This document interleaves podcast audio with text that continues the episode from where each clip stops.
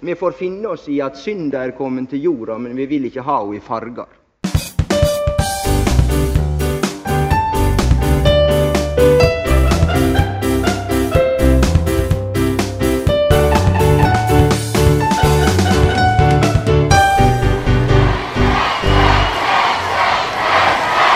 Velkommen til Einar Førdes fargefjernsyn. Vi er et politisk og populærkulturelt skravlekollektiv for folk trygt plassert på venstresiden. Jeg heter Stein Ove Lien, og for tredje gang så er vi klare med sommeranbefalinger. Det gjelder Tøger Fimreite, Pål Hafstad Thorsen og eh, Kari eh, Vi har nå droppet dette metaelementet med at vi befinner oss i fortiden. Vi er tilbake på en søndag tidlig i eh, juli og skal gjennom atter en runde med anbefalinger for denne sommeren. Og denne gangen er det, skal vi se Vi satser på Kari Barandini som den første. Takk eh, for det, Stein Ove. Jeg er glad vi, vi kan eh, forkaste den illusjonen vi har levd i i, flere episoder nå om, eh, om, hvor vi befinner oss i tid. Jeg skulle til å si at jeg kom hjem fra Oslo, jeg har vært en tur i Årdal, men, men vi, kan det, vi, kan la det, ligge.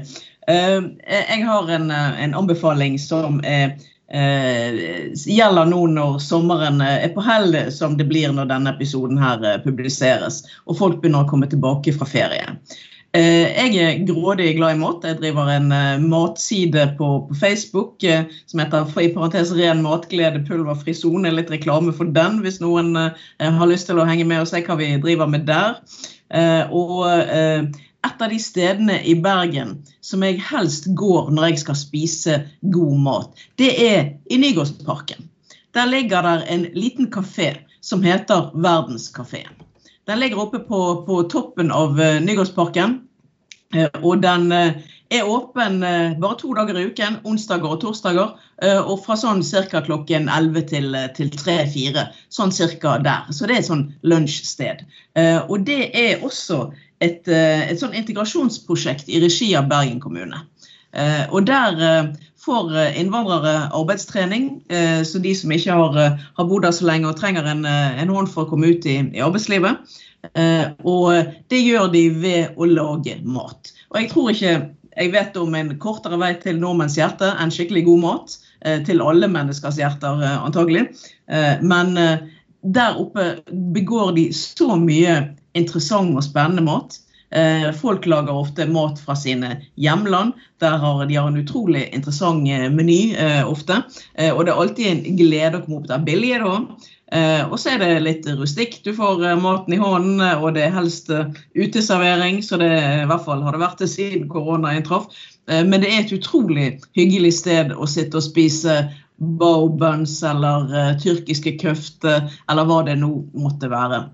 Det er en eh, liten perle av et sted, eh, pluss at du gjør en ordentlig god gjerning for noen som får arbeidstrening ved at du går opp der og spiser. Det er en vinn-vinn-vinn-vinn-situasjon, eh, minst. Så jeg kan ikke få anbefalt sterkt nok. Ta turen opp i, på Verdenskafeen på toppen av, av Nygårdsparken. Det kommer du ikke til å angre på, det lover jeg.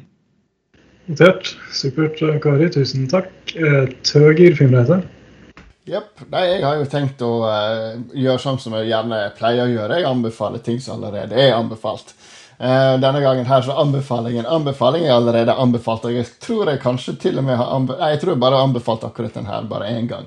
Men uh, det er en serieanbefaling som jeg kan anbefale mange ganger. Nå kommer, har begynt med sesong tre eller fire.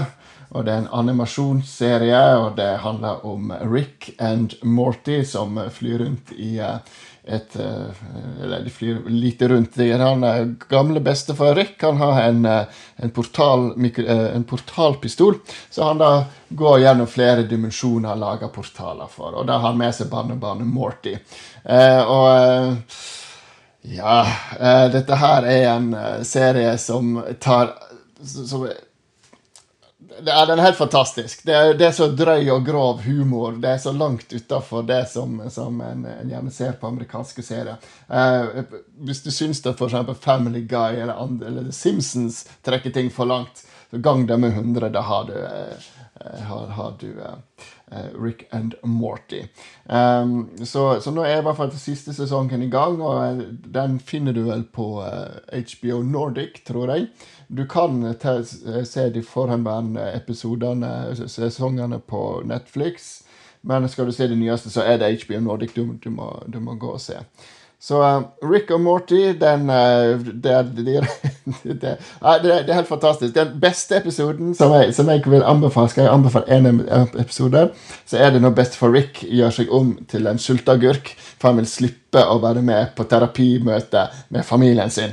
Uh, og det går ikke helt sånn som planlagt, så, så, så da Som sulteagurk gjør han de her mest fantastiske tingene. Han lager seg om til sulteagurk-cyborg som går rundt og dreper rotter før han da til slutt går og myrder et kartell. Så det er en helt, helt fantastisk sprø episode med masse gladvold og, og, og død, uh, gjort av en pickle i uh, Rick sitt uh, vesen, for å si det sånn. Så Rick and Morty, folkens, den, den er verst å få med seg hvis du kjeder deg.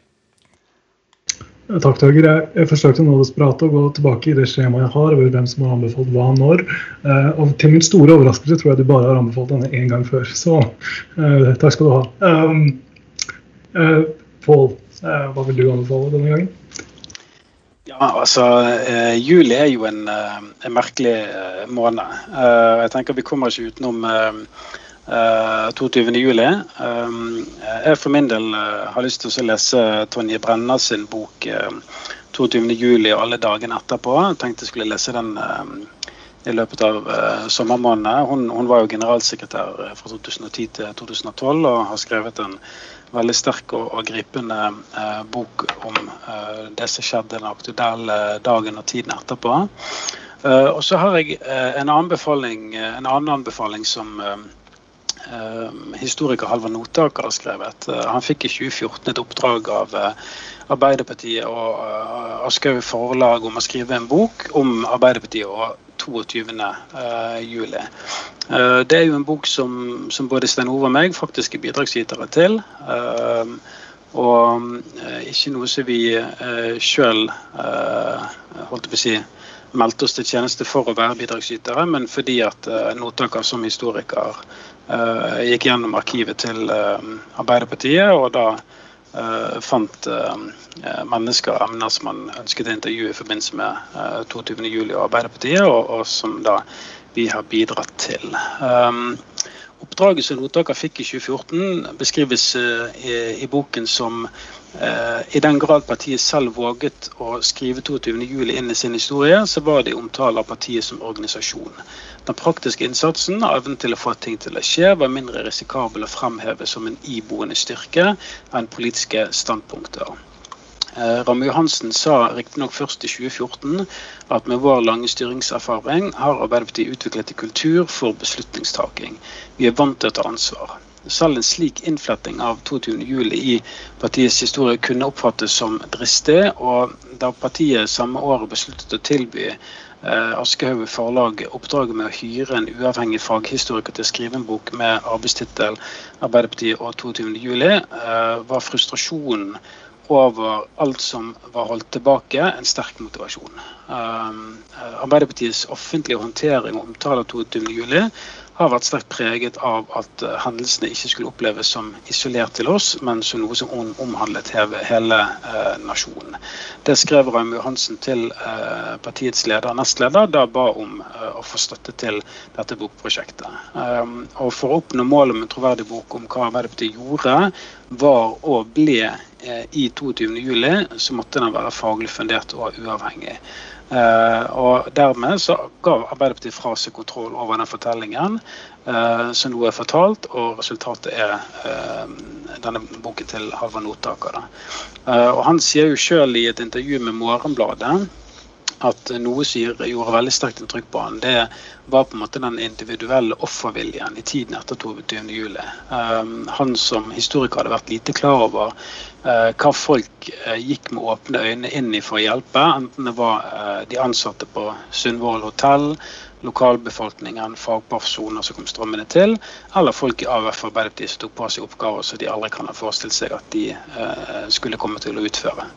Um, og Historie handler jo dypest sett om uh, mennesker, og i historien om Ap og 22. juli så er noe av det sterkeste uh, for Notaka det er uh, hvordan de ansatte, de frivillige og de tillitsvalgte ble trukket inn i og farget deres institusjon og, liv, og hvordan de på en måte ble en, del av det. Og i dag I Ap i dag så jobber elever mange mennesker som bærer med seg tiden etter 22.07. som et ganske uh, tungt, uh, tungt, minne. Så jeg tenker at Det er en veldig interessant historie. Det er historien om Arbeiderpartiet og 22.07. Um, og så forteller historien om organisasjonen, om det politiske, om ja, mange historier som ikke har vært fortalt før.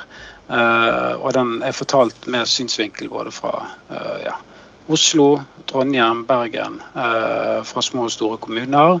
Og eh, viser egentlig hvor, hvor bredt Arbeiderpartiet som landsdekkende folkeparti eh, er. Og hvordan de tillitsvalgte menneskene tredde til for å hjelpe til i en ekstremt krevende situasjon. Så det, det er en anbefaling fra meg. Og ja, jeg tenker at ved en senere anledning til noe, så bør tiden være moden for at vi tar en prat om 22. juli, Men jeg vil anbefale folk å uh, lese denne boken. Uh, det er ikke en bok som uh, Ja, altså den, den, er ikke veldig Altså Den er sterk i beskrivelsene sine og sånne ting.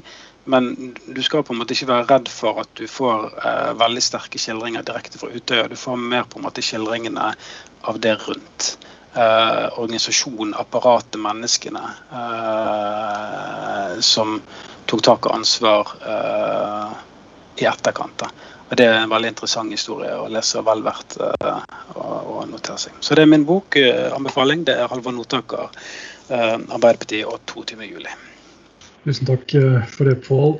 Jeg må også for min egen del legge til at jeg syns det har blitt en fremragende bok. Som Pål sa, så var vi eh, involvert i forskjellig grad som kilder, sammen med mange mange andre, i løpet av den perioden før eh, denne boka ble eh, ferdigstilt. Eh, den er eh, sober eh, og har dette institusjonsperspektivet som, som, gjør den unik i litteraturen om 22.07. Eh, foreløpig, fordi dette veldig tydelig er en bok om Arbeiderpartiets rolle under 22.07., og dermed ikke nødvendigvis AUF sin rolle. Så er den jo da tredelt, som Pål er, er, inne på. En del som handler om hva som skjedde i partiorganisasjonen. En eh, for så vidt også veldig interessant del som handler om liksom, eh, narrativet. Eh, om hvem som skal liksom, eie terrorangrepet. Om det var hele Norge eller AUF. Og gå inn i noen interessante diskusjoner mellom bl.a. Raymond Johansen og Jens Stoltenberg. Og en tredje del som handler om etableringen av minnesteder og minnearbeidene i årene etterpå, som også har vært en lang, tung og vond prosess for mange. Jeg vi blir nødt til å komme tilbake til 22.07. På, et, eh, på et tidspunkt i løpet av, i løpet av eh, enten denne sommeren eh, eller høsten. Det er et traume som blir med Arbeiderpartiet og AUF også i lang tid fremover. Vi vet ikke når denne episoden kommer ut, men jeg tror det budskapet bestemt også vil stå seg uavhengig av det. Da er det min jobb å avslutte. og Jeg har da valgt noe betydelig lysere, heldigvis, Eh, kanskje. Eh, det er fordi at jeg skal eh, gi masser av kjærlighet til Pixar-filmen 'Luca', som nå er tilgjengelig på Disney+. For hver i, i, mange år så var det sånn at uh, det at det kom en ny Pixar-film, altså en animasjonsfilm fra, et, fra, dette selskapet som Disney eier, var noe som indikerte at sommeren var over i Norge. Den kom på, gjerne på kino i august eller september, fordi den hadde hatt en premiere før sommeren i USA. Men etter at Disney Pluss kom, som altså er streamingtjenesten til Disney, så har de blitt, og pandemi også, så har de blitt mye mer eh, opptatt av å få ting ut tidlig og direkte på strømmetjenestene som eksklusivt innhold. Og det gjør at uh, Luca av jeg tror Enrico Camarosa er tilgjengelig nå. Det er en film om en gutt som lever i havet, en havgutt på rundt 13 år, som sliter med at foreldrene hans er litt sånn overbeskyttende og tvinger ham til å være redd for de som lever over havet. Fiskere og jegere og den slags. Så de nekter ham å gå på de eventyrene han eh, ønsker når han nå har blitt gammel nok til å finne ut at det kanskje finnes mer her i verden. Han blir reddet av en eh, litt eldre gutt som jeg tror heter Antonio, eller noe slikt.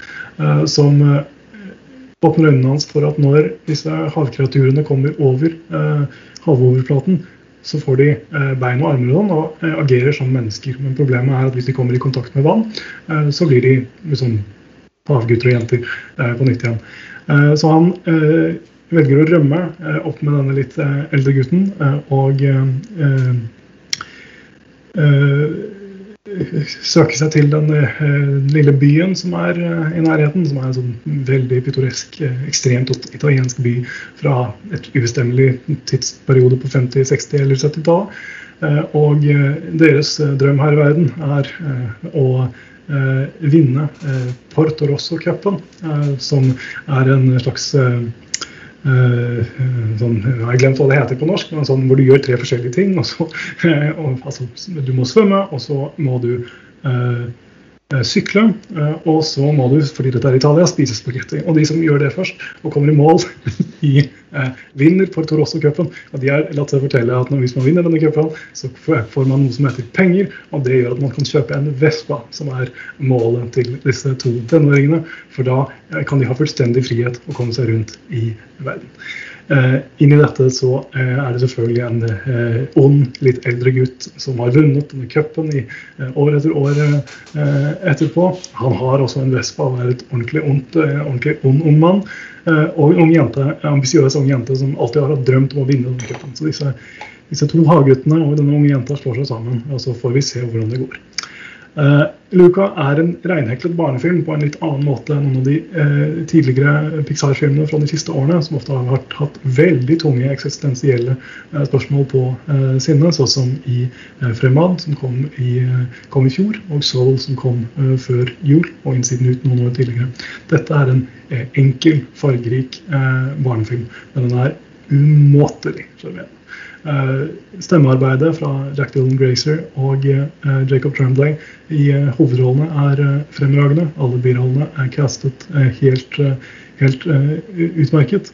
Og den er også Den spiller jo på ting som man kjenner fra tidligere Disney-filmer. 'Oppdrag Nemo', 'Den lille havfruen', og også de japanske Studio Ghibli-filmene osv. får, får kjærlig behandling her. Eh, soundtracket av eh, Dan Romer, eh, som gjorde soundtracket til Beast of the Southern Wild, er også noe helt annet enn det man sett hører på lydsida fra Pixar. Den er også veldig morsom og, og hjertevarm, og har én scene som kommer til å knuse deg fullstendig, slik Pixar har for vane å gjøre.